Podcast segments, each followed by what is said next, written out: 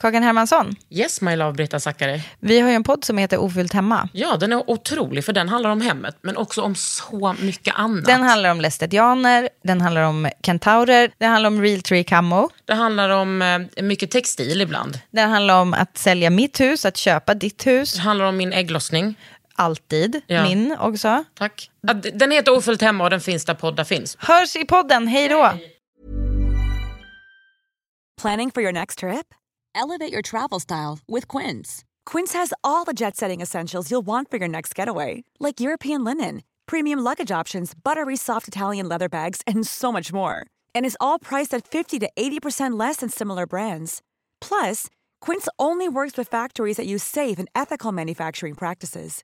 Pack your bags with high-quality essentials you'll be wearing for vacations to come with Quince. Go to quince.com slash pack for free shipping and 365-day returns.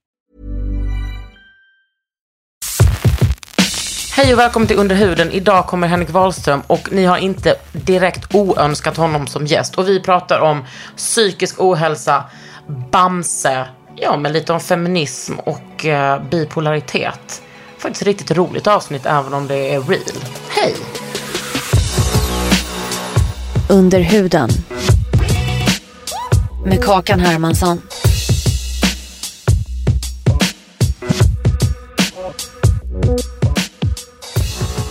Det är rakt på sak. De bara, oh vänta det finns en manlig feminist. Han får stå för alla eh, svar någonsin. Mm, toppen. Det här ska bli skitlätt känner jag.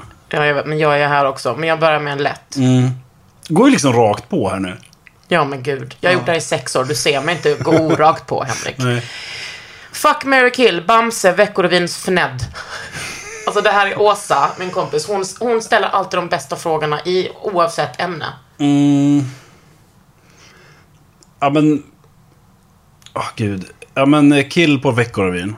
Eh, Jag ser det- dig ha en KK-relation med Fnedd. Alltså han är Ja, inte det får, han, han är ju i alla fall, ja, men han är fuckable liksom. Ja. Han får vara med där. Han, han får, och, och så är det då Bamse Mary liksom. Ja. För att där är ju ändå en... eh, eh, det, ja men de, det är liksom så här trygg, sunda värderingar och sånt där. Och... eh, Alltså ska man utveckla det där så tycker jag ju liksom Ve- Veckorevyn som var, eller idag liksom, känns ju väldigt mycket bättre än Veckorevyn som var förr. Alltså Veckorevyn nu, Ja. Mary. Ja, det är ju svinbra. Med Irena Pochar, Så att- 100%. Precis. Så det är, det är lite så här, när jag hade liksom gjort kill på Veckorevyn då, Ja. 90-tal, jättekill. Ja. Eh, Idag så är det en helt annan femma. Liksom. Precis. Jag skulle nog också säga att i de mörkaste, tryggaste vrår, jag tror Bamse kan vara riktigt dirty. Mm, mm. Alltså han, vem är han ihop med? Bamselin, Brummelisa. Brummelisa. De behöver öppna upp. Det tror jag också. Det var Det finns mycket, och, och det finns konstiga, ja, han, Bamse sover naken också. Det är lite så Vem gör läskigt. inte det, Henrik? Nej men det är ju läskigt när det är en barnserie. Ja, Jag är för att alltså, men man ser ju ingen björnsnopp. Nej, vänta, vad, är jag han en björn eller? Ja, det är han. Är han en björn? Ja, men vad fan, jag, vet vad, jag träffade Bamse för en vecka sedan. Har du varit på någon sån här TUI-resa eller vadå? Nej, jag har varit på Kolmården. Ja, där. Alltså jag träffade the actual Bamse. Ja, vad kul. Låt mig bara tro att det finns en. Mm, okej. Och det var otroligt. Alltså min son, det var... Jag har liksom aldrig sett honom så lycklig någonsin. Ja. Alltså att han gick fram till Bamse, Lilla Skutt, Vargen och Skalman och fick ge dem en kram och en high five. Jag grät som en... Det är jättefint. Mm.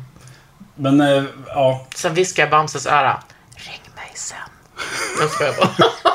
Det är jättebra. Jag skulle- Jag skulle aldrig Ja, men vad bra. Ja, men vad glad jag är att det, att det var såna, såna eh, vad ska man säga, exempel på Fuck, marry, kill. Jag brukar tycka att den leken annars är Ja. äcklig. Eller Alltså, hur? ja, men det, det är liksom som när, man, när det faktiskt är människor.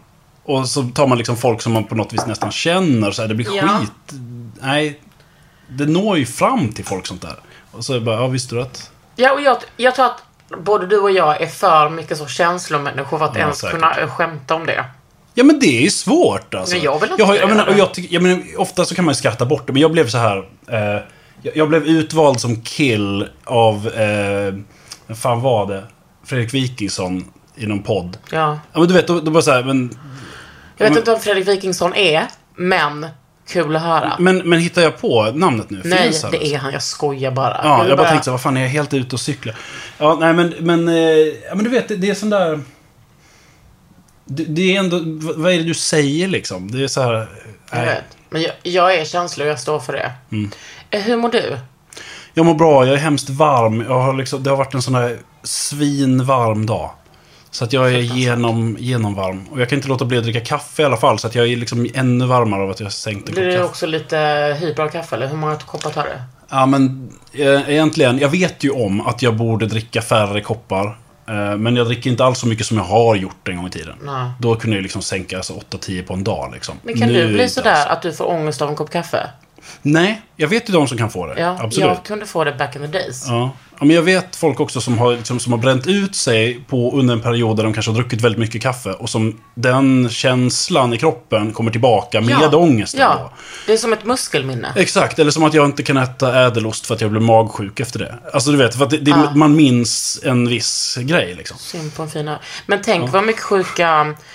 Du och jag känner ju inte varandra för att vi är feminister, utan för att vi har jobbat mycket ihop. Ja, När, då har vi gjort mycket varma och kalla saker under... Mm, Vad har vi gjort? men vi har ju gjort, ja men Historieätarna, eller Men du, var var inte med med i den. Du var med i spinoffen eh, Bye Bye Sverige. Bye bye Sverige, tusen år till julafton. Julkalendern ja. Den gjorde du som Ja, ljudtekniker. det var med. Ja, ja. Och Och sen så har vi väl också, alltså sen har vi ju sprungit på varandra på andra grejer också, men det är, det är där som vi har hängt. För det tog ju en jävla tid. Den här julkalendern tog ju över ett år att filma. ja, fy fan vad det var underbart. Ja, det var fantastiskt. Och det var så jävla varmt. Ja, det var slitigt, men jättevärt det. Om det inte skulle vara för den här jävla fåniga beefen mellan SVT och eh, vilka det nu är, om det är Sony eller vilka det Ja. är. Som gör att den inte får visas längre. Nej men den finns på internet. Ja, den det är finns. bara att googla. men, men det är liksom, de borde ju få Ja. köra den på liksom öppet arkiv eller någonting. Vet du att den blev anmäld typ så 12 gånger innan första december? Nej, men det... För att det. Mm. man, ja, men dels var det då att man såg barn röka. Men nio av de 12, det var, Var det också du? för att jag skulle vara med. För att du skulle vara med överhuvudtaget. Tror att det var några sura pappor eller? Mm, ett gäng. Men Nej, du, men det där... Ja, men det var, det var ju en... eh, Ja, men, du vet, den, den där skulle ju användas av lärare och sånt där. Jag Nu kan de inte göra det jävla längre. Jag har så många... Så fort jag någon gång nämner att jag har jobbat med det så är det ju lärare som hör av sig. ja, men det är Och for, bara- fortfarande folk som säger till mig det? en liten bit bacon och ett bröd. Ja. När jag var Bellman. Ja. Att det är det bästa vi har gjort. Men nu sätter vi här idag. väldigt vad, jobbar du med nu? Vad försörjer du dig med på? Ehm, alltså jag har ju varit i tv-svängen i 10-15 år nu liksom. Men jag gick ju från när vi började hänga du och jag så var det ju för att jag var ljudtekniker på olika serier. Ehm, men därifrån så gick jag vidare till att vara men som jag var ju redaktör bland annat på, då, på, på eh, Bye Bye Sverige som vi var på. Då var, höll jag på det. att liksom gå mer och mer till innehåll. Och jag kommer ihåg att du sa det und, om det var under tiden vi spelade in ehm, alltså julkalendern. Att du bara, men jag kommer nog jobba lite mer med innehåll. Och då Ja. tänkte jag, fan vad coolt att man kan byta. Alltså, jag har ju by- bytt tusen gånger själv. Ja, Men ja, hur men- kom det sig att du bytte? Och nu kommer jag gå och hämta vatten. Men jag lyssnar fortfarande. Ja, men... Det var väl egentligen bara att det, det, ba- det bara blev att jag hade mer och mer som jag la mig i. Liksom. Fast jag var ljudtekniker så var det så här, men vore inte det här bättre? Eller vore inte det här en bra idé? Eller vore... Så då blev det att jag liksom började inslagsproducera och jag, att jag blev liksom redaktör på grejer och sånt. Och sen så blev det mer och mer att, att jag producerade grejer. Och sen så... Efter Pantamera Humor tror jag, det Instagramkontot, så blev jag inplockad på eh, Brand New Content. Så nu är jag där fast liksom som Men är inte creative det- director. Är inte det en uh, CD menar du? Heter det det? Mm. Coolt. Är inte det Eller liksom en, kreatör tycker jag låter trevligare. Ja, och låter också som att du får en högre lön. Som kreatör? Ja. kanske. Ja. Det har inte jag tänkt på. Men jag har, Nej. tänkt på har du inte eh, ens tänkt på det jag tycker bara- 25? Nej, men att jag- du mår gott? Ja, men, nej, men jag tänker att, att jag, jag låter så... Det låter skitnödigt att säga en titel på engelska. Ja, men det heter ju allting nu för tiden. Ja. Nu är det någon som slåss. Det, nu är det någon som blir torterad här i Hägersten. Nej, det måste vara öppet. Ja, men jag sett- fast den och slog. Ja. Jo, men eh, det är en fin linje. Alltså, jag tänker att väldigt många har eh, idéer under tiden man jobbar. Och sen så, när vi jobbar med Karl Klintberg, där tycker jag att det var så högt i tak. Att man fick, alla fick, alltså jag var ju skådis, så för mig är det kanske svårt att se de hierarkierna. Men jag, jag kommer ihåg att när jag jobbade där, att det var den minst hierarkiska arbetsplatsen jag hade varit på. Att det var så sjukt högt i tak och man fick komma med egna idéer och kan jag få vara den här? Kan jag få ha ett blint öga? Ja, men, alltså, och det var ju det som var svinbra där som gjorde att jag faktiskt kom in mer och mer på, på liksom innehållsgrejer. Därför att det var välkomnat att komma med sådana förslag. Ja. Det var ju till och med så att liksom Karin ibland efter en tagning frågade sådär, Henrik är du nöjd?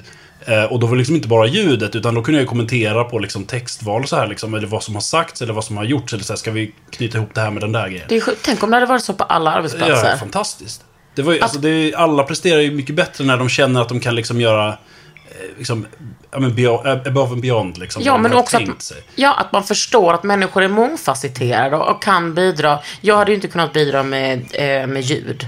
Nej, men det där, precis. Det finns ju tekniska roller som Mm. måste liksom fyllas. Men sen därutöver, liksom, att alla hjälper till med allt. För jag har varit på reklamfilmsinspelningar där det har varit så fullständigt annorlunda. Jo, tack. Alltså det har blivit så jävla nerskriken för att, liksom, en, en, någon som säger till så här, kan liksom, det här stativet som står där behöver flyttas en, liksom, Mm. två centimeter åt sidan. Så flyttar jag det. Och bara, du är ingen jävla gaffer! Vad gör du? Du tar hans jobb här! Liksom så här, och du vet, bara sitt ner helt hysteriskt för att jag flytt, för jag stod närmst stativet. Hur jag gjorde det då? han bad mig att göra. Men han bad ju inte mig. Hur så jag fick inte man? röra det. Nej, men det där var, det var på, sam, på samma inspelning så blev jag också tillsagd att jag satt eh, vid fel bord. För att här fick bara liksom, eh, just de viktigaste positionerna sitta vid lunchen. Och det var liksom också så här, nu... Nu, är, det, nu är vi tillbaka i högstadieåldern liksom. Ja, men vi har ju inte gjort någon liksom... Vi, gick ju rakt på det här. Vet folk vem jag är som lyssnar? Men snälla Henrik Wahlström. Ja. Alla vet vem du är. Och då helt plötsligt så hade du, alltså jag har ju följt dig, vi har varit kompisar, jag har, du har, vi har jobbat ihop. Och helt plötsligt har du ett konto med så över 100 000 följare. Ja, det- Vad fan hände? Det small bara till. Verkligen så att det bara var fan. Alltså det, jag minns ju det att det var vid något tillfälle där jag märkte så fan har jag tusen följare? Det är ju, jag känner ju inte alla de här. Och vad, vad var det som, hur hade folk hittat till dig då? Vad var det du gjorde på kontot?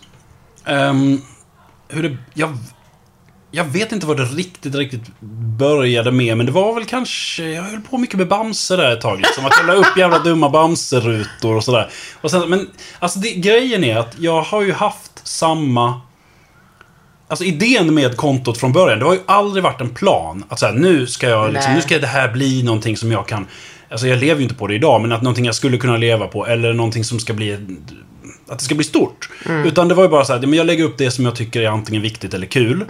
Och så gör jag det direkt. Och så håller jag fortfarande på. Jag har ju inte, jag har liksom inga sparade utkast till inlägg, utan jag lägger upp det när jag kommer på det. Eh, och sen så får det bara... Ja, men, gillar folk det så stannar de väl, eller så avföljer de. Och det har liksom rullat på. Ehm, så att jag har bara försökt... Jag menar, det var ett, eh, liksom ett, ett, eh, jag menar, det var inte ett privat konto, men det var ju bara mina privata vardagsfunderingar redan då. Ehm, men att när det började bli fler så var det det jag tänkte så att jag ska bara vara skitärlig och uppriktig. Liksom. Men för att du har dels har du Bamse, Ja. sen har vi Ikea. Ja. Eh, och sen så har vi liksom gamla tjejtidningar som Ja. belyser hur, hur stört det var för vår generations tjejer och växa upp. Vilket jag tror många törstar efter att bara, hallå, det här har format oss till helt sjuka människor. Ja, det, var, det var där det riktigt satte igång. Ja. Det, var där det, var där det tog ett språng och liksom det var många tusen som började följa och, sen så, och, där, och, och liksom började skicka runt de där inläggen. Ehm, för att det var ju det som var då att jag i en... eh, jag- jag kom över några, lopp, några, några tjejtidningar på en loppis. Som jag bara på vinst och förlust köpte. För det var bara så jag har aldrig öppnat en sån här tidning. Så jag köper den för fem spänn och öppnar. Eh, och var helt chockad över vad, det, vad innehållet var. Liksom. Och då kunde jag inte få nog. Då ville jag bara ha mer och mer och mer. Så nu har jag ju liksom kompletta årgångar liksom. Nej. alla, jo, alltså Frida, Veckorevyn, Mitt Och livs folk novell. skickar till dig också. Ja, det började ju bli det då. Jag började med att leta på loppisar och, och antikvariat och eh, sånt där. Men sen så blev det ju att folk efterhand som det blev fler följare började säga men jag har sparat en bananlåda med Veckorevyn. Vill du ha dem? Kom och hämta dem. Och, och då plötsligt, det var då som det började kunna bli ja, men komplett och jag började kunna göra det mer ja, systematiskt. Att jag faktiskt, nu har jag liksom så många så jag kan säga att i sex av tio nummer under den här tiden så togs det upp det här. Känns som att du älskar att systematisera. Gud ja. Alltså samla massor och systematisera. Ja. I, liksom, de står i nummerordning i, på en lång rad. Oj, vad du mår då. Ja. Det, Är det också en grej, alltså en, ska man säga, en motvikt för dig att må bra i din bipolaritet? Mm. Att sortera, ha ordning. Jag tror absolut det. Ehm, Det ser inte ut så här hemma hos dig va? Nej. Men alltså jag menar, jag är inte pedant när det kommer till liksom, jag kan, låta, jag kan låta bli att dammsuga jättelänge. Det är inte så att jag tycker liksom sådär att det måste vara kliniskt på något sätt. Nej. Men jag vill ha sån jävla ordning och reda och jag vill ha, eh, men, komplett på något vis. Alltså samma, samma eh, tillfredsställelse man får om man lägger klart ett pussel. Liksom. Så att jag vill ha allt av det här. Och jag Ja. vill ha det i rätt ordning och på rätt plats. Och Kan inte relatera till någonting du säger, men jag förstår. Ja men okej, men, då, men där kanske det är olika. Men jag har funderat mycket på det där att, att det är kanske så att eftersom mitt liksom, inre liv har varit ganska mycket osäkert och stormigt liksom, så jag velat ha en jävla struktur, ordning och reda och säkerhet på utsidan. Ja, men mitt liv har ju också varit otroligt osäkert och stormigt inuti, men också utanpå. Men vi har ju olika diagnoser. Exakt. Och där, jag menar, det skiljer oss jättemycket. Och såklart så, jag menar, vi är olika människor. Men det är, den diagnosen, det är någonting helt annat. Eh, och, och jag tror också att det hänger också ihop med att den där, att köpa alltså tusentals tidningar och sortera dem och liksom märka sidor med små post-it-lappar. Alltså du vet, den noggrannheten. Den skulle inte komma vilken del av året som helst för mig. Utan det är på en period där jag inte kan få nog. Liksom. Alltså en typ en manisk period. Ja, eller precis. En hypomanisk som är alltså, det är när man inte går upp i en fullständig eh, fullskalig mani. Ja. Alltså, för då, kan, då blir det ju liksom att man kan bli psykotisk och måste Ah. läggas in. Men det är det som är då bipolär eh, sjukdom typ 2 som jag har. Att man Mm. går aldrig upp i det läget ehm, där man tappar till exempel kan börja hallucinera, Ja. få bild, börja tro att man är en annan människa och sådana grejer. Skönt. Slippa den grejen, absolut. Men, Men- men, jag har perioder där Ja. jag har liksom kraftigt förhöjt liksom, sinnesläge. Alltså, Trots medicinering. Mm, det, det kommer jag inte komma undan. Ehm, men alltså med medicineringen så, jag menar, det, fort, det svänger fortfarande. Men spektrumet, alltså mellan högt och lågt, trycks ihop. Det blir inte lika högt, det blir inte lika lågt, inte riktigt lika långa perioder. Längre, så att säga, friska perioder däremellan förhoppningsvis. Ehm, det är inte lika urspårat. Liksom. Men ofta så är det ju... Det där är så himla svårt att alltså, jag kan se i efterhand sådär att Ja, men det där, när jag samlade så oerhört mycket tjejtidningar och gick in i det och kunde inte tänka på något annat. Ja, men då måste det varit en sån här hög period. Men jag ser det liksom mest efteråt. Därför att det är det där att... Alltså, en bipolär sjukdom handlar ju alltså om att man... Det är en kronisk sjukdom som man under livet liksom pendlar mellan depressioner, hypomanier eller manier som då är de här höga, så att säga motsatsen till en depression. Mm. Man har skitmycket energi, man behöver inte äta, man behöver inte sova, man behöver liksom... Man bara, wow, man behöver inte ta sin medicin, tror man. Ja, precis. Man, Mm. kan, man är ju ty- fullständigt frisk och liksom hyperfokus och massa så här. Och där kan det finnas likheter med ADHD många gånger. Liksom. Mm. Det finns saker som, som stämmer överens där. Det är inte ovanligt att liksom ADHD-tjejer blir diagnostiserad med bipolär sjukdom. Ja, och det finns många som får en, en, en ADHD-diagnos som unga som sen får, alltså att det byter sen. Att nej men det här var ju, var ju bipolaritet. Ehm, men så att det där, men det där, de där svängningarna, att jag går mellan de där. Den, det går ju att rita upp som en kurva så att säga. Så det blir liksom en berg och dalbanekurva där det går upp och sen störtdyker och så landar det lite mellan och så stiger det upp igen och sådär. Och hur långa är de perioderna? Ja, det där, det där är olika för olika människor. Nej, men jag frågar bara typ. dig. Ja, men precis. Men för att, för att det finns de som har alltså, åratal friskt. Och sen så liksom nio månaders depression. Och sen så liksom eh, fem månaders eh, hypomani och sådär. Så har inte jag det, utan för att min, min diagnos har liksom under kategorin rapid cycling. Som betyder att jag har minst fyra sådana här perioder varje år.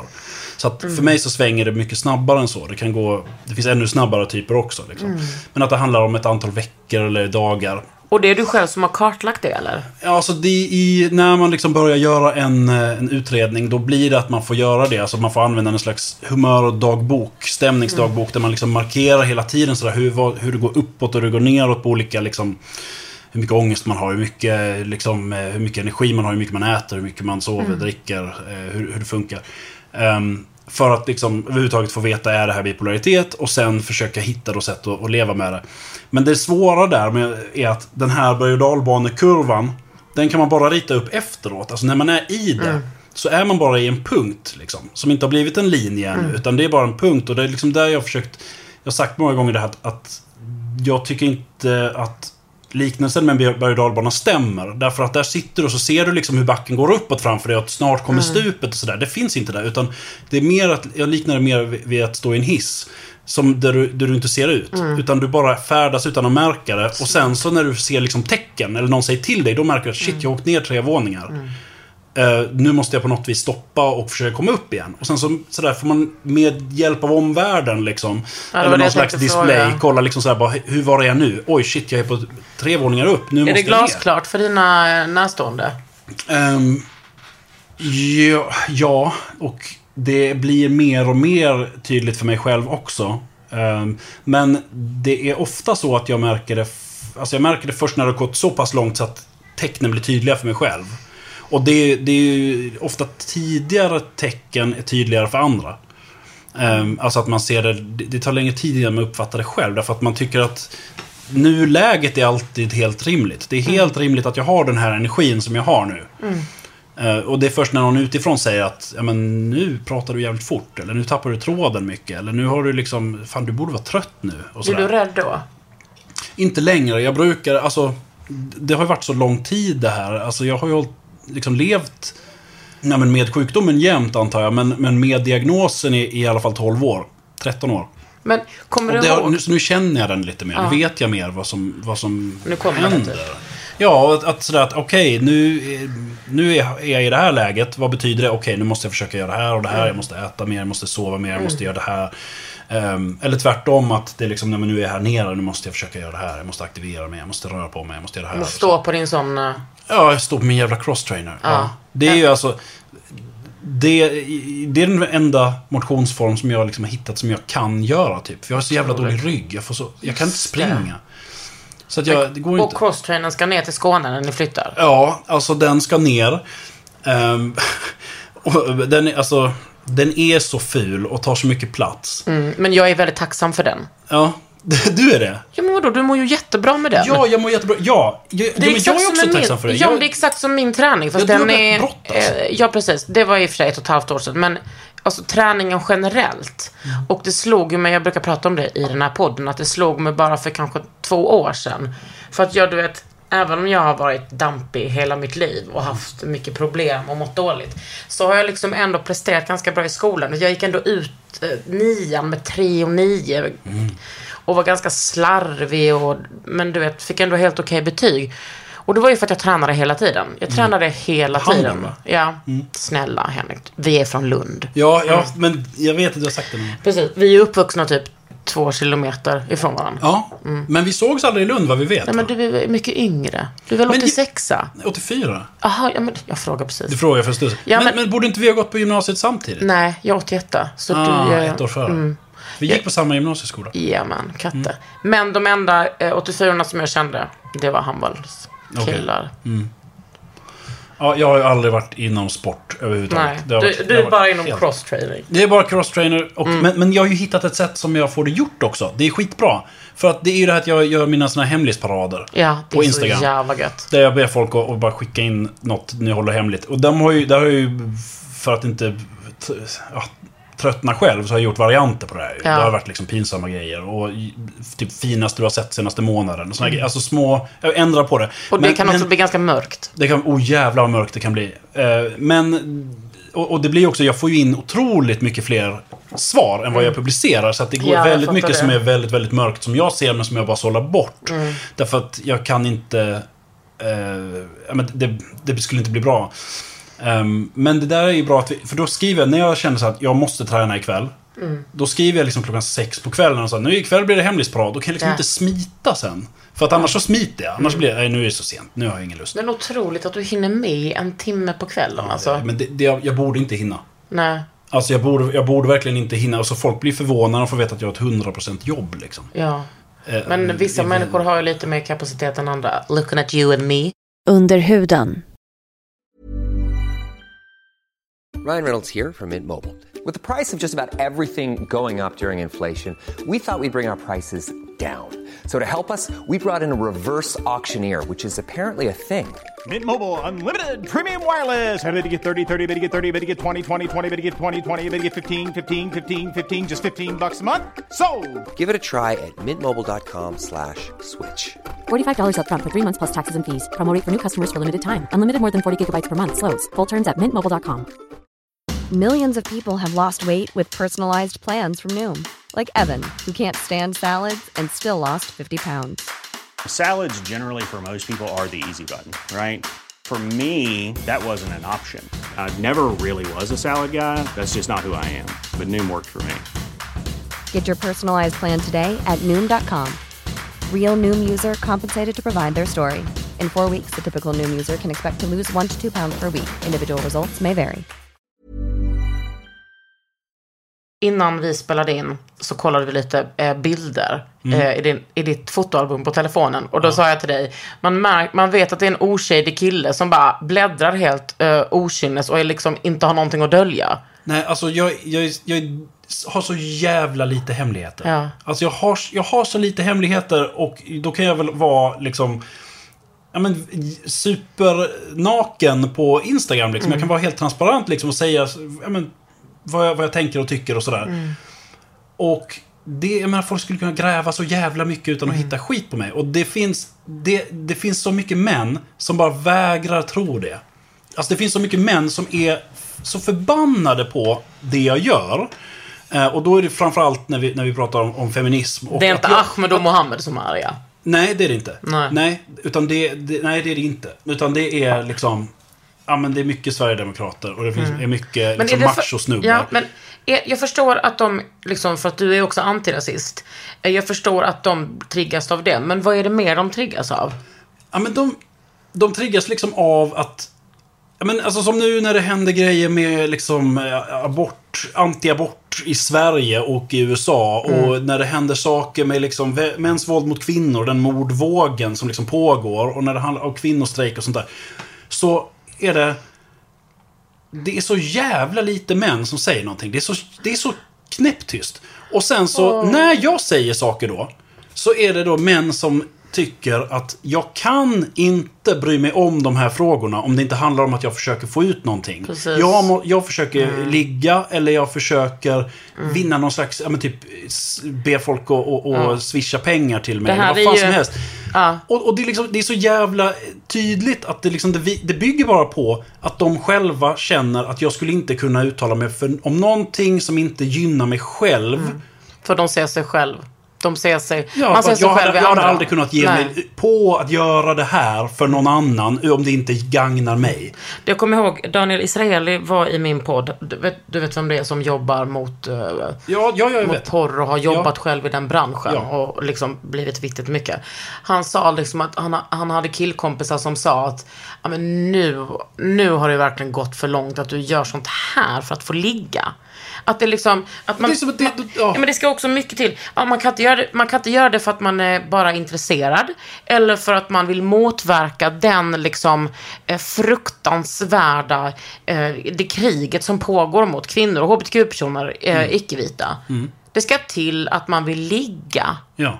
Alltså, hur mår du? Och det är, ja. Ja, men så då, jag har ju, jag har ju liksom verkligen, jag har ju ingen kontakt med mina, alltså så IRL-kontakt med mina följare. Det, liksom, det finns inte på kartan att det skulle vara någon slags syfte. Nej. Och då blir det liksom, det, det säger ju bara någonting om dem. Mm. Men alltså det är, alltså, godhetsknarkare är liksom det som, det har liksom seglat upp som nya så här som de alltid använder. Alltså att jag försöker gotta mig i att vara en god människa. Eh, men jag, genom att bry mig om vet, olika jag, är, saker. jag är en kristen person. Jag är en troende människa. Och jag kan inte förstå varför kapaciteten att vara en tänkande människa kan finnas hos så få människor. Och lite från oben att säga så om sig Ja, själv. men, ja, men jag, jag fattar hur du menar. Jag blir, jag blir så... Men jag blir förbannad av att få liksom... Eh, alltså jättearga DMs om eh, liksom att de hatar mig. Då kan jag liksom bli förbannad. Men jag blir också jävligt uppgiven av att säga, men är det det här? Är detta liksom männen som ska vända trenderna liksom och, och, och så här, skjuta ner machokulturen och börja öppna upp och vara liksom... de som inte ens kan se att någon kan bry sig om att kvinnor blir ihjälslagna. Om det inte är för att få ligga. Alltså fattar hur sjukt det är? Det är liksom som att... Ja. Och, och, ju det är ju som- samma personer som hatar mig. Ja. Men du vet ju. Du vet ju liksom Jag det här vet, med, med det är hat liksom- som är helt jävla orätt. Jag vet. Och att, man, att det säger så mycket om... Eh, att det handlar inte om dig och mig. Det handlar ju om liksom samhällsklimatet. Ja. Också att det, det, det fanns ett, ett skifte som började för typ tio år sedan. Att människor trodde att deras åsikter var så värda att lyssna på. Mm. It's not. Alltså jag blev så rörd när jag läste, när du hade fotat av ditt, det där blocket från gymnasiet. Att Ja. du hade kommit på ett eget språk. Ja, det, var- alltså, det är ett eget skriftspråk. Den... eh, Som du fortfarande kan läsa och skriva. ja, ja, ja. Jag visade det för min... För jag var nere i, i Lund då. Och eh, satt på Väster. Och visade det för mina föräldrar. Eller för min pappa tror jag. Och det var liksom... Alltså jag blev... Men just att det hade med din sjukdom att göra. Att du... Eh, och gick du på gymnasiet då? Ja. Det var an, ja, tvåan på gymnasiet. Då hade jag ju inte fått min diagnos än. Nej, det Men det är det det som är intressant fråga. att i efterhand se. Ja. Det där var alltså, jag ska ju flytta snart och eh, håller på att re- rensa ut grejer på vinden för att inte så flytta Du mer saker hatar man inte att rensa. Nej, jag hatar inte att rensa. Men, jag, men det är också för att inte flytta med skitmycket som man sen packar upp och bara varför har vi flyttat med det här? Ehm, men då så hittade jag då en stor låda med så här, gymnas eller skolarbeten. Och det är så, så mycket att ta bort. Alltså så man bara så varför har jag flyttat med mig det här liksom? Fyra, fem flyttar. Så här, fakta om igelkotten. Vad fan ska jag med det här till? skrämmande att du har skrivit om igelkottar på gymnasiet. Henrik. Nej, okej, det här var inte på gymnasiet. Nej, vi säger så. Sådana grejer. Ja. Jag så då blev det att, okej, mycket av det här ska det go. Liksom. Ja. Så här jävla räkneböcker man har fyllt i. Varför ska jag ha kvar det? Men så jag slänger, slänger, slänger. Men då, då så, så slänger jag, jag sparar sånt som är liksom så här, här har jag skrivit någon slags novell. Ja, Men det, någon gång kan det vara kul att titta på. Ja. Men också då att jag hittar då att eh, här plötsligt så dyker det här språket upp. Som alltså är ett skriftspråk som jag har hittat på då under en period. ehm, och har skrivit så jävla... Bara fyllt sidor med liksom. Och det, och det ser riktigt så här eh, Seven ut. Du vet, någon så här jävligt sjuk grej. Och jag inser ju då att, men okej, det här är jättetydligt att det där var en hypomanisk period. Där det var... Plötsligt så skulle jag liksom ändra på allt. Liksom. Jag, skulle, jag skulle vara byta, jag skulle vara en annan människa plötsligt. Och jag menar det där, jag har eh, lite viftat bort den perioden, eller inte funderat så mycket på den därför jag tänkt att vad fan, jag var ju tonåring. Alla 17-åringar har ju, håller på att byta hårfärg och blir liksom... Du vet, man, man försöker hitta sig själv och när man inte hittar så försöker man ändra liksom. Men vad liksom Men- skriftspråket, var det... Alltså för mig var det så här, ah, du är... Eh, du är supersmart, du kanske är lite hypomanisk. Men var det en, liksom ett facit på att du ville bort? Nej, det är mer att i, i efterhand så märker jag att det där är inte bara att man är tonåring. Att man plötsligt hittar på ett språk och skriver jävligt osammanhängande grejer. Alltså för det var det också att när jag läste det här så var otroligt mycket meningar om så här att Alltså jag, jag minns inte den här perioden alls särskilt skarpt. Och det stod väldigt mycket om sånt här att eh, hur, jag hoppas det här reder ut sig snart. Jag hoppas det går över. Hur ska det gå? Och sånt här liksom. Kunde du formulera din sjukdom då, eller hur det kändes? Nej, det var ju bara att det var... Jag bör, jag, då var det ju mer att jag undrade liksom så här, vad, fan depression, vad är det för någonting? Alltså du vet, jag visste inte vad det här var överhuvudtaget. Så då var det ju... Det var liksom på... Det var en jävligt modig tjej i min klass som klev fram en, en dag på, liksom, hade varit borta ganska mycket och som liksom kom... Klev fram framför klassen för att berätta liksom att jag varit borta för att jag har en sjukdom som heter depression. Liksom, Och jag försöker gå i skolan igen nu i viss mån. Alltså som förklarade istället för att hålla på att det skulle skvallras. Och då så var det som slog det mig bara att fan, här, man kan ju ha en sjukdom som gör att man mår piss liksom. Men man tänker ju inte att man kan ha en sjukdom där man mår bra. Nej. Det och det, och det är ju precis det här då att jag hade mått jävligt dåligt och mådde dåligt och, och liksom Då började jag liksom faktiskt söka hjälp. Faktiskt efter det så var det som att okej, här, jag måste utreda om det här är någon sjukdom jag har. alltså typ. vad, eh, hur såg den liksom, hypomanin ut då när du var 17 år? För, alltså, presterade du toppen i skolan? Ja, det gick bra.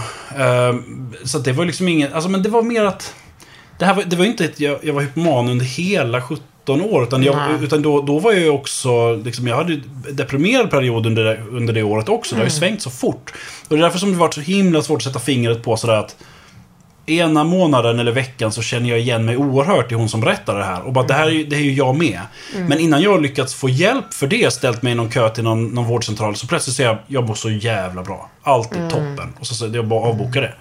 Och så där höll jag ju på och jag, jag, var, jag var jävligt irriterad ett tag. Jag började gå i terapi då och sådär för det var uppenbart att ja, men, jag mår inte bra liksom. Eh, för att jag började, ja men, jag var jävligt nere och det började liksom bli självskadegrejer och sånt där liksom. Så det var bara att, okej, jag måste ha hjälp i alla fall. Och då, då gick jag till den där, en, en psykolog som jag träffade många, många gånger och jag var liksom, fram till ganska nyligen så har jag tänkt liksom att fan varför, hur kunde han inte se vad, vad jag var liksom? Hur kunde han aldrig hitta det under alla de där tiderna? Men sen så, så slog det mig att han såg ju bara en deprimerad person. Därför att så fort jag var uppåt så ställde jag in. Så han, han såg ju inte de där svängningarna. Han såg bara någon som var nere. Och sen kom man inte alls. Och sen så kom jag tillbaka och så var jag nere. Men när du var 17, gick du till skolsköterskan på Katte? Ja, men då Eller? var det bara för att få kondomer och såna grejer. Alltså jag var ju inte där. Okej, du behöver inte skryta. Det var inte skryt. Det var bara, jag kunde inte komma på när annars. För det, men jag bara- Man minns ju när man varit jävligt nervös. det minns jag för att Nej, det men alltså, jag, för att jag minns att, eh, nu gick jag tre år innan dig, men skolsköterskan saved Mm. my fucking life. Mhm. För jag hade det jättetufft och hon var så här, vet du vad, här är nyckeln. Ta nyckeln, gå och vila när du vill. Så alla mina spanska-lektioner, det var, det var tre Men dubbeltimmar i gud, det veckan. där, men det där... Jag har haft eh, lärare som har ryckt in på såna här fantastiska sätt ibland. Men hur, alltså när man är 17 år, när man är, då är man ju ett barn. Mm. Hur, alltså, det här behöver inte du svara på om du inte vill. Eh, men jag, dina föräldrar, såg de? Ja, alltså, men jag dolde det jävligt noga Ja. alltså. Men det var ju något tillfälle där som min mamma just... Ja, men när jag, jag liksom berättade när jag var full liksom, om, om hur det låg till och varför jag drack. Liksom. Och då var det att okej, du behöver hjälp. Och då jag fick börja träffa den här terapeuten. Ehm, Och det fixade hon liksom snabbt. Ja, det där, då, då när det väl var... eh, När jag fick hjälp av vuxna liksom, så, gick det, så, så fick jag hjälp. Ehm, men det var ju egentligen, alltså det var ju först senare som, alltså bipolariteten, jag visste, jag visste ingenting om det här förrän det var att jag eh, drack oerhört mycket och var... Redan på gymnasiet? Nej, det var, alltså jo, då drack jag också, men, men det var mer, alltså det var senare, det var liksom 2008, typ, alltså ganska mycket senare. Eh, då jag liksom försökte hantera den här sjukdomen mycket genom att dricka det, för att det är liksom alltid attraktivt när man har det här. Alltså, för att man försöker dricka sig glad, sen försöker man dricka sig lugn, så försöker man dricka för att man... Hur gick det då, tycker du? Det gick ju svindåligt såklart. Men, för, Men då fick jag i alla fall till slut söka hjälp för det. Eh, för att drickandet var tvunget att ta slut. Och det var då, när jag kom in på liksom en, en missbruksenhet, som det var en fantastiskt smart kvinna som sa att men som inte bara frågade hur mår du idag, utan hur mådde du i augusti, hur mådde du i september, hur mådde du i oktober? Och då märkte jag bara, "Okej, men det här låter som att du är bipolär. Och skicka mig till rätt ställe. tänk de där små, små, små, små samtalen i rätt sekund som är helt avgörande. Ja, det är skit... Rätt läkare, rätt psyk- psykolog. Alltså jag, jag tackar gud för många av rätt slags samtal i mitt liv. Och i min syrras liv liksom. Ja. Det är... Det har ju kommit massa frågor här. Och det är någon som undrar hur man bäst stödjer en vän med psykisk ohälsa, medberoende och misstänkt eh, bipolär sjukdom. Inte liten fråga. Nej, precis. Det är otroligt individuellt ju vad som, vad som behövs och vad, hur mycket man ska liksom rycka in. Men vad jag tänker är alltså först och främst att inte dra liksom. Alltså att vara kvar. Eh, och, och även om, om här, den här vännen säger liksom att de inte vill eh, ses, inte vill prata, inte vill fika, inte vill promenera, ingenting liksom. Så bara fortsätt fråga. Alltså sådär att hör av dig igen och fråga bara nu tänkte jag gå ut en sväng, vill du följa med? Vill, alltså försöka att... Och jag fattar att man tröttnar när man får nej hela tiden och låt mig vara och sådär. Men att fortsätta bara säga att men jag är fortfarande kvar, jag är fortfarande kompis. Man får inte Eh, vara sådär. lättkränkt. Nej, fy fan. Alltså det är ju... Det är en jättesvår sits även för den som är eh, vän eller anhörig såklart. Det är skittufft att, Ja. att, att inte dra. Ja, och någonstans får man ju dra en gräns också så här, hur mycket... Alltså, skitbra om du vill vara... eh, Så att säga... Att du vill, du vill ställa upp för en vän och du vill, du vill vara eh, ett stöd och hjälp och sådär. Men det finns ju en gräns när det börjar vara att det går ut över ditt eget liv på ett sätt som inte är acceptabelt. Liksom. Ja, och råkar man själv vara, lite av en eh, medberoende person, Ja. då är det ju kört. Men jag tänker också att det är viktigt att understryka hur...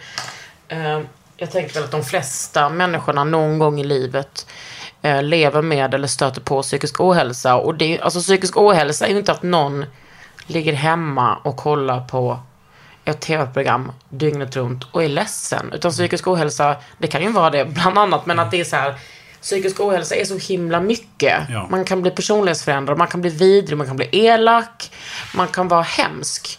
Och det är så jävla svårt att vara kvar då som eh, vän, tycker jag. Det är Svin, Jag har varit den personen som har varit den sjuka liksom. Ja, men och jag, det, det är jättesvårt. Och det finns ju så väldigt, väldigt många, om man tittar på bipolära personer, eh, som, ja, men som, som skjuter folk ifrån sig under perioder. Som, som just liksom... Ja, men som inte får förhållanden att, hålla, och, och funka genom de där värsta stormarna och sånt där. Och det, det är helt förståeligt liksom, från båda parter där. Liksom, att det, det är inte alltid rätt att stanna för någons skull. Liksom. Nej, men också kanske Men- blir en helt annan människa i sina eh, manier eller hypomanier. Ja. Och att det är när man kommer ner från det som bara, jaha, vänta, vem är du? Ja. Och Alltså det, det. Ingen ställs ju ansvarig. Man kan ju inte ställa någon ansvarig. Nej, alltså, men det, det där... Jag, jag tror också jättemycket på... Alltså som, är det så att man lever med någon och det är liksom ett destruktivt förhållande och det är liksom, jag menar, då, då, då är det en annan sak. Men om vi pratar här om att man har en vän som mår dåligt. Om det är så enkel grej ändå. Då är det väl mycket det här att, att lyssna och inte hela tiden försöka ta upp sina egna problem för att det är associerat. Alltså det, blir, det är ingen tävling i att må dåligt utan att lyssna klart. Liksom. Och ställa jobbiga frågor, tänker jag. Ja, ställa dåliga, jobbiga frågor och, och ställa liksom... f- göra det så lätt man kan och, prata om det här liksom. Ehm, Men hur, när, när ehm, kom du liksom, när accepterade du din diagnos? ehm, jag fick diagnosen 2008, typ. 2008, två- ja 2008 måste det vara. Gud, då var du liksom ändå ung. ja. 25, 24. Något sånt. Ehm, och då ville jag inte acceptera det. Ehm, därför att det är en jävla snyting att få när man har, om man söker hjälp för att man tror att man är deprimerad och mår jävligt dåligt och äntligen får hjälp och hela tiden har liksom det här framför sig att man tänker att nu så ska jag få hjälp så att det försvinner. Och sen så får man veta att det kommer inte gå över. Så är det jävligt tungt. Alltså det är som att få, det är ett sjukdomsbesked som man får när man trott att man led av något mindre allvarligt. Alltså, eh, och, och, och den, den grejen gjorde att jag ville inte tro på det. Liksom. Hur Eh, dealade du det Ja, men, med ja, det då? ja, men genom att helt enkelt bara att det här måste vara fel. Jag har ju inte, alltså jag måste ha liksom, lurat någon läkare. Jag måste, ha, alltså, jag måste ha lossat fram det här på något sätt. Eh, eller att de inte vet vad de pratar om. Så här, jag krävde liksom en second opinion. Någon läkare skulle kolla på liksom, mina journaler utan att träffa mig. Så att inte jag kunde påverka. Och alla sa ju samma sak. Liksom. Är det många som gör det när de får den här diagnosen, tror du? Det tror jag säkert. Eh, och inte minst i perioder, och det har jag ju hållit på med i många år, att liksom när jag väl mår riktigt bra, tänker att det här, jag har nog inte det här ändå. Liksom. Det här är nog ändå feldiagnostiserat. Eh, men det var egentligen där i, i, i ett läge där de... Ja, någonstans där när jag hade fått någon sån här second opinion och sådär och, och läst mer och fått veta mer och sådär om den här sjukdomen som jag ändå accepterade. Att okej, fan då är det väl så här. Och då var det ju det bästa som kunde hända för då kunde jag plötsligt få hjälp på riktigt. Liksom. Men det känns också som då, för så många år sedan, alltså då hade vi inte Instagram, sociala medier var inte så, fanns typ inte, eller var inte så betydande i våra liv. Gud, tack så jättemycket för det. Men jag tänker också, till exempel som ditt konto, eller det finns ju så många communities nu för alla de här sjukdomarna och liksom NPF. Att det, man kan hitta hem i så många grupper. Och det måste ju ha gjort otrolig skillnad för dig. Ja, alltså när jag började riktigt försöka navigera det här. Jag har varit väldigt lite på liksom olika sorters forum och sånt där. Eh, när jag har jagat info om det här. Jag har läst liksom böcker och träffat stödgrupper och pratat mycket med, med eh, liksom, vården. Eh, och försökt ja, men, lära mig allt, allt jag kan om den här sjukdomen. Ehm, och då har det inte varit mycket att jag varit i, i liksom online-sammanhang. Eller så. Jag, har ju hållit, jag har ju hållit tyst om det här för väldigt många. Alltså, det har ju varit de allra närmsta som jag berättat för bara. Eh, och när det har behövts. Eh, och så kan man ju ha det, absolut. Alltså att man, att man inte... Det är aldrig någons eh, skyldighet att berätta att man har fått en diagnos. Utan det kan man ju välja hur man vill berätta om. Men jag kände där att någonstans där, när var det nu då? För ett och ett halvt, två år sedan och sånt där. Att nu vill jag berätta för att jag insåg att jag, jag vågar berätta om det här nu. Och då är det min skyldighet att göra det kände jag. För att jag vill så gärna att det ska bli lättare att prata om det. Ehm, och, och Nu har du nästan liksom- blivit ett eget community. Ja, Vågar men jag det, säga. det, har, det har ju blivit... Alltså jag får ju... Det är otroligt mycket på Du har mitt- en egen logga. Ja, jag vet. Och den har ju blivit... Ja, det är helt fantastiskt hur den har spridits. Alltså den har ju... Det, det var ju en direkt följd av det här. Jag valde att, att på... Jag satte ett datum, första januari.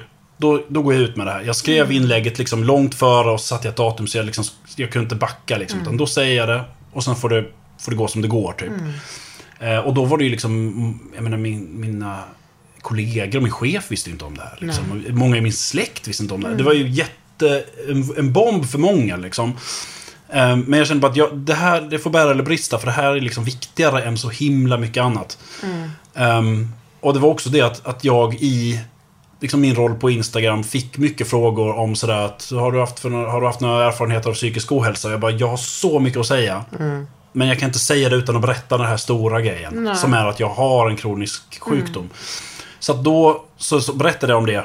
Och liksom utförligt för den som inte vet vad det är och vad, ja, hur, vad det är för mig.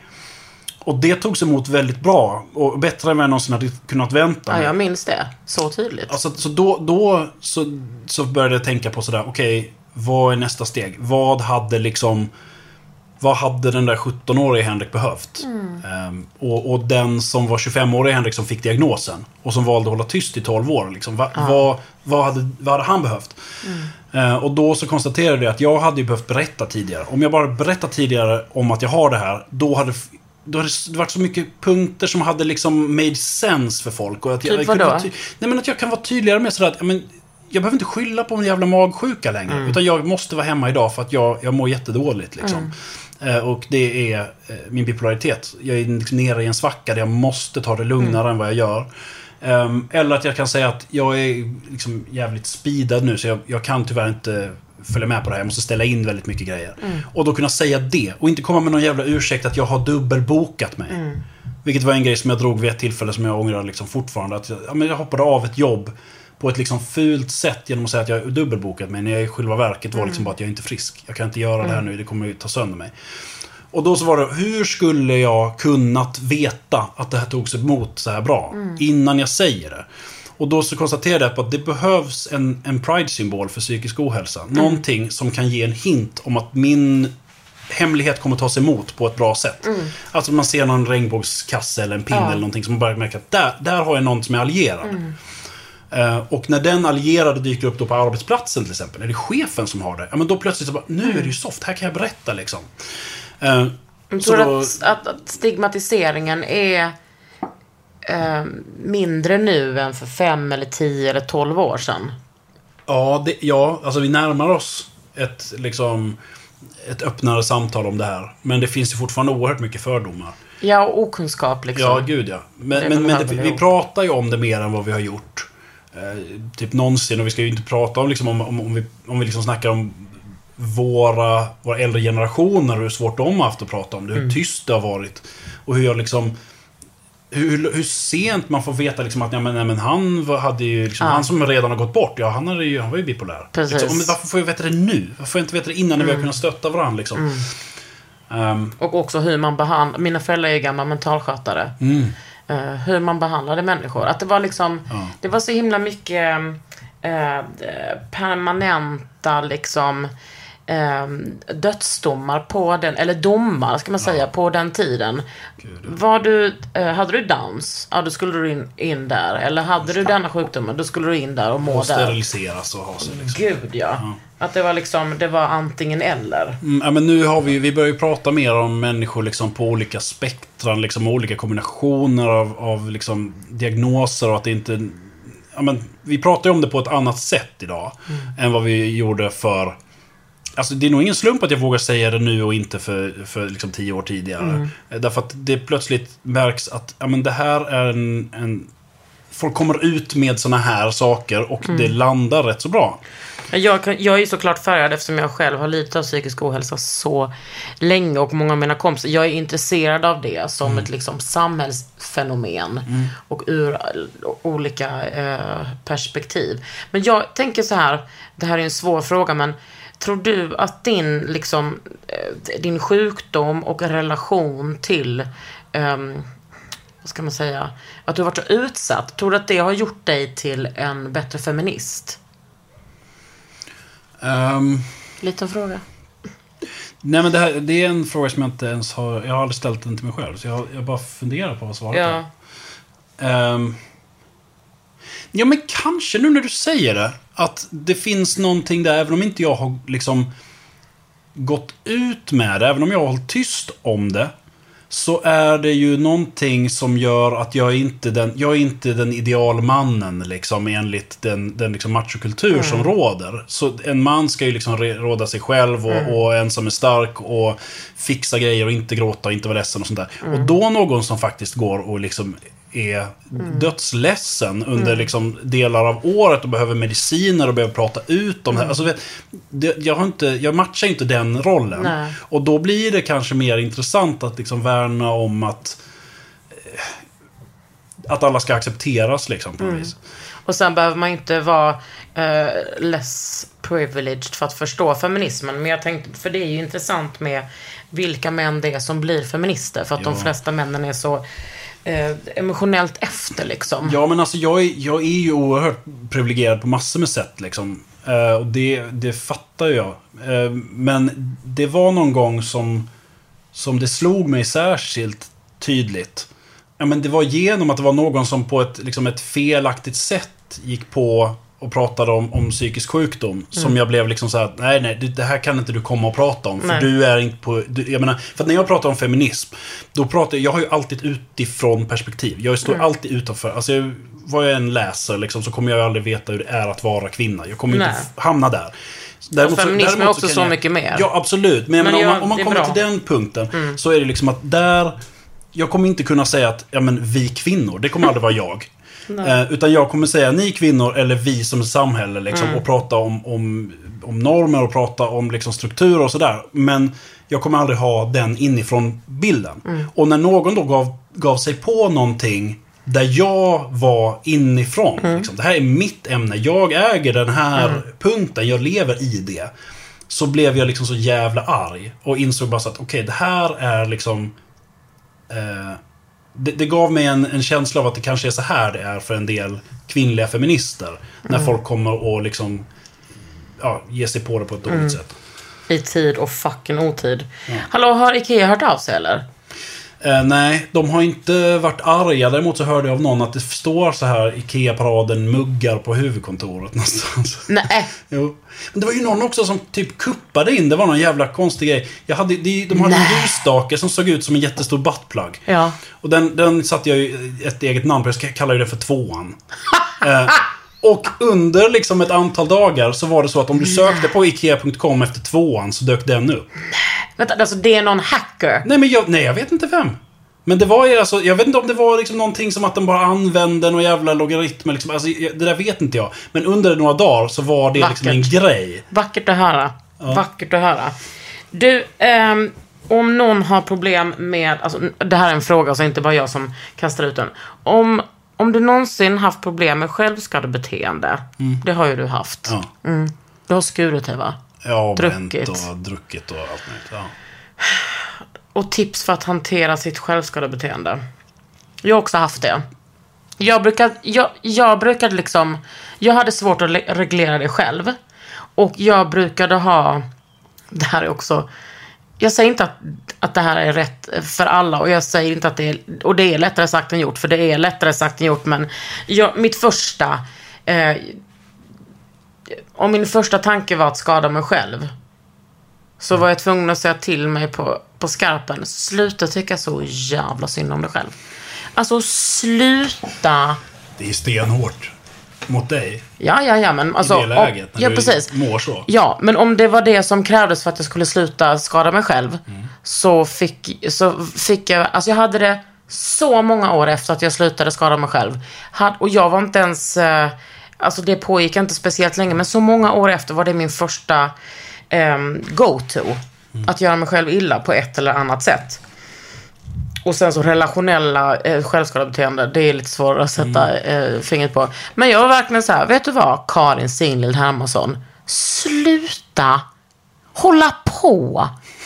Det är som helt, vad håller du på med? Ja, men har man ett, är, är man så nykter liksom, som man kan säga det till sig själv Ja. så kanske det fungerar. Jag vet, alltså för mig, jag har haft jättedåliga eh, strategier med det. Jag har liksom... För det, det är inte något som jag rekommenderar, men liksom min, min strategi har liksom hela tiden varit att eh, tänka på andra än mig själv. Ja. Alltså att sådär att jag, jag har liksom ingen motivation alls att det här är dåligt för dig Henrik. Men jag tycker inte om Henrik. Alltså det är som så här att jag, slår ju på mig själv för jag inte tycker om mig. Eh, och då så blir det så här att ja, men dina liksom, anhöriga kommer bli ledsna och besvikna för att du gör det här. Men så var det ju för mig jättemycket bara. Alltså du kan, jag kommer ihåg, jag pratade med min pappa om det någon gång. Han blev så jävla arg på mig. Han bara, du, jag ska sätta mig på tåget nu upp till dig. Vad fan är det du säger? Jag bara, "För- förlåt. Och då var det liksom, det var så jävla bra för mig. Precis. Men då var, hade jag ju också kommit dit att jag var ärlig med det med min pappa. Precis. Ja men det är ju, precis, och, om man håller på att självskada på sätt som inte syns och inte märks så, då, då är det ju ännu svårare. Eh, Att liksom sådär att man kommer så att säga undan med det. Då är det ju ännu svårare. Eh, men det där... Det, inte, Det finns inga, och så där har jag hållit på med nykterhet också. Att försöka tänka liksom att nej, men andra runt omkring. Alltså att jag, jag, gör, jag sårar någon annan. Så att även om jag nu inte bryr mig om mig själv då. Ja, men då kan jag bry mig om någon annan. För det, det har jag inte slutat göra. Precis, och det är, jag tycker att det är typ en, en nyckel till mycket av den psykiska liksom, ohälsa eller välmående. Att he, hela tiden tänka på andra. För man ingår ju ändå i ett community, om det är familj eller vänner. Ja, Eller, alltså, jag, jag vet inte hur det skulle liksom... Vad en terapeut hade sagt om det. Om det är en helt galen vinkel på det. Men det, det är bara det som har, det fungerade för mig. Så var det. och jag menar, vi är ju inte terapeuter. Men vi är Nej. inte oterapeuter. Nej, men jag, och, alltså, om man har ett självskadebeteende.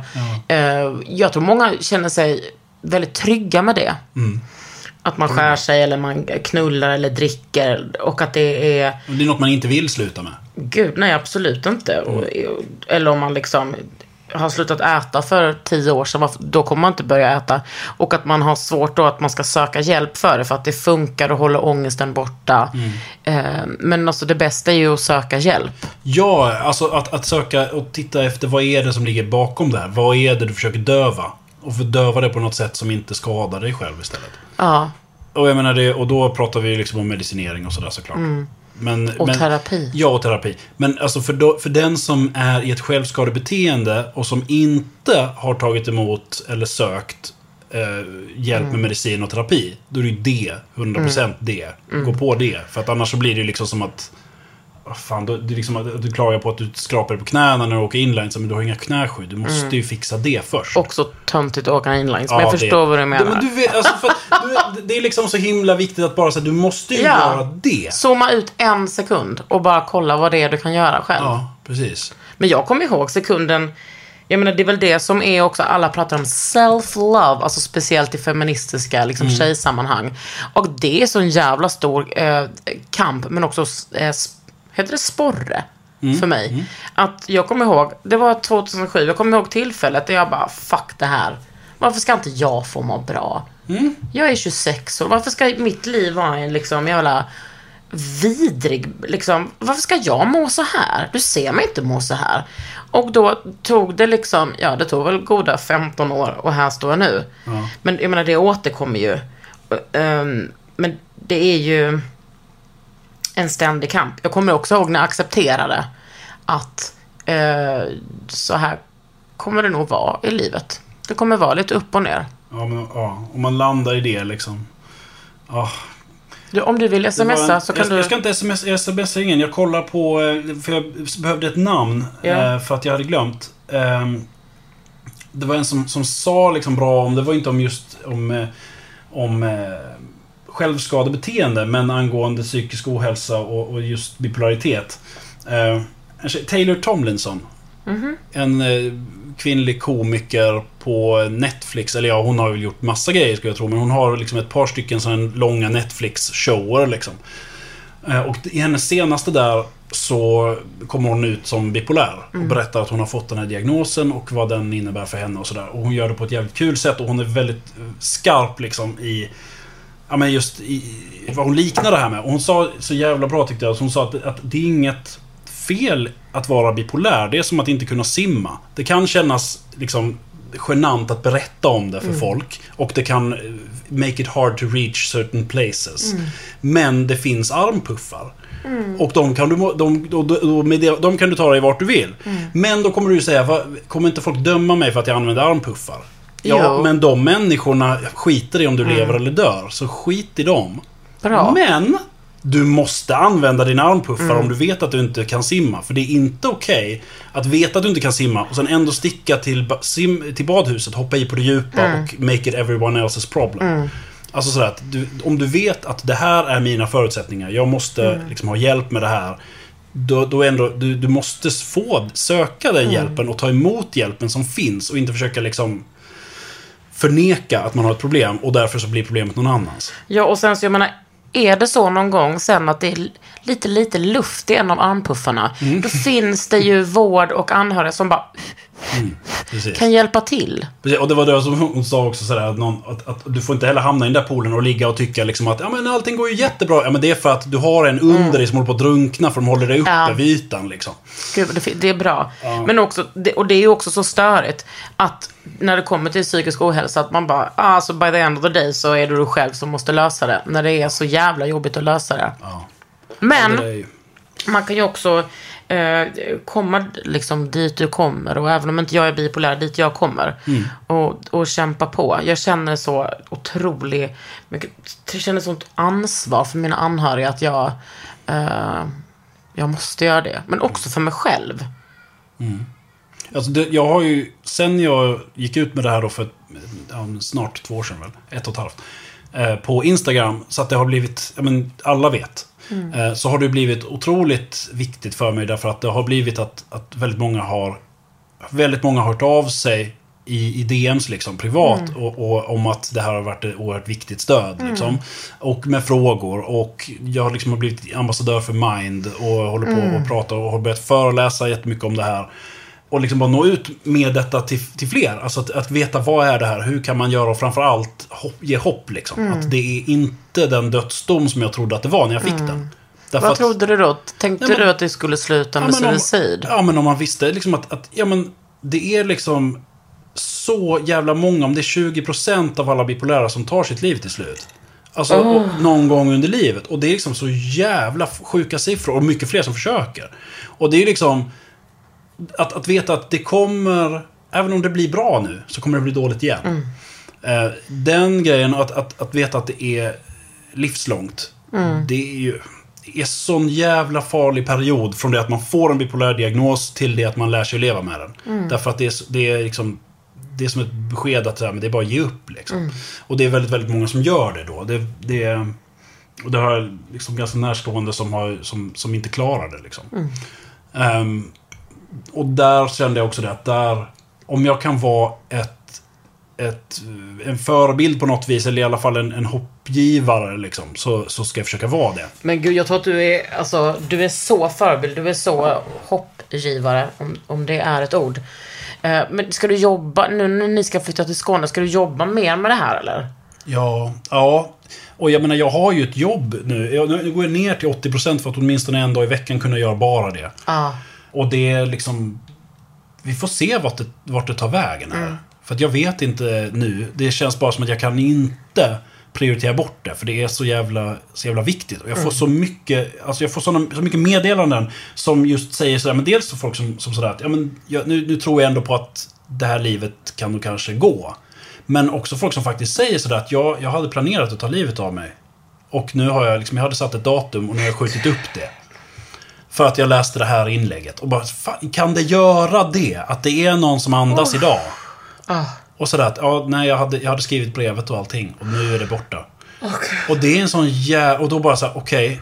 det här är... Jag kan inte lägga en press på mig själv att nu ska jag rädda Nej. folk på något sätt. Men om det nu faktiskt gör att vissa blir räddade av det som jag tycker är bara... Jag skriver bara så här vad jag har tänkt på. Ja, men om det nu räcker, men då ska jag göra det. Wow. Men det är också, det, det, det är också ett sätt att... Jag gör det som jag hinner och kan. Ehm, men genom den här symbolen, upp och ner symbolen, så kan det sprida sig vidare utanför Mm. mig. För det är då den här lilla loggan, det är en, en liten smiley som kan vara glad eller ledsen samtidigt i ett hjärta som en fyraåring. Mm. Vem har gjort den?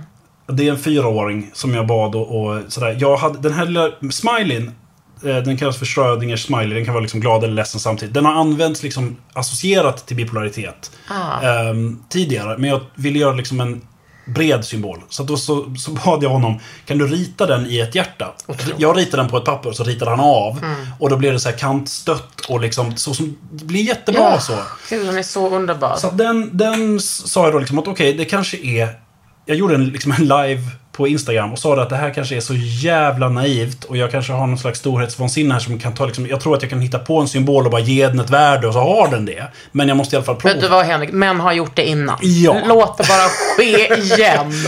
Alltså jag älskar den för att den är så, den är lättillgänglig och den är varm. Mm. Och man förstår ändå typ allvaret. Ja, precis, det, precis så. Ja, men så då sa jag det att okej, den här symbolen betyder att den som bär symbolen har en, en öppen och accepterande inställning till psykisk ohälsa. Och olika diagnoser och sånt där. Så att när du ser, om du, för den som går och, kämpar och håller tyst.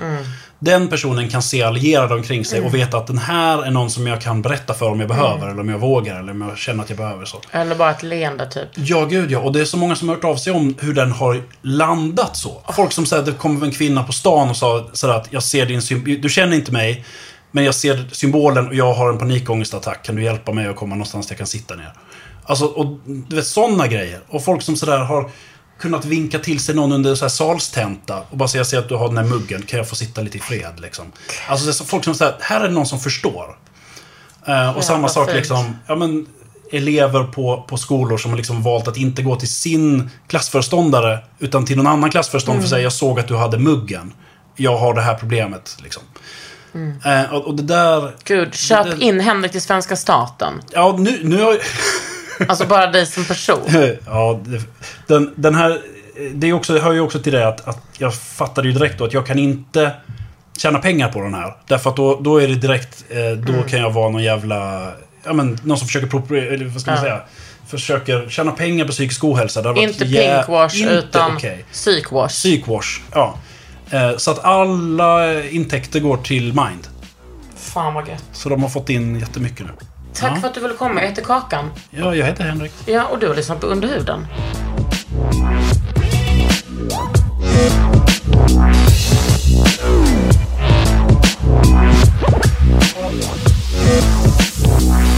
En podd från Allermedia.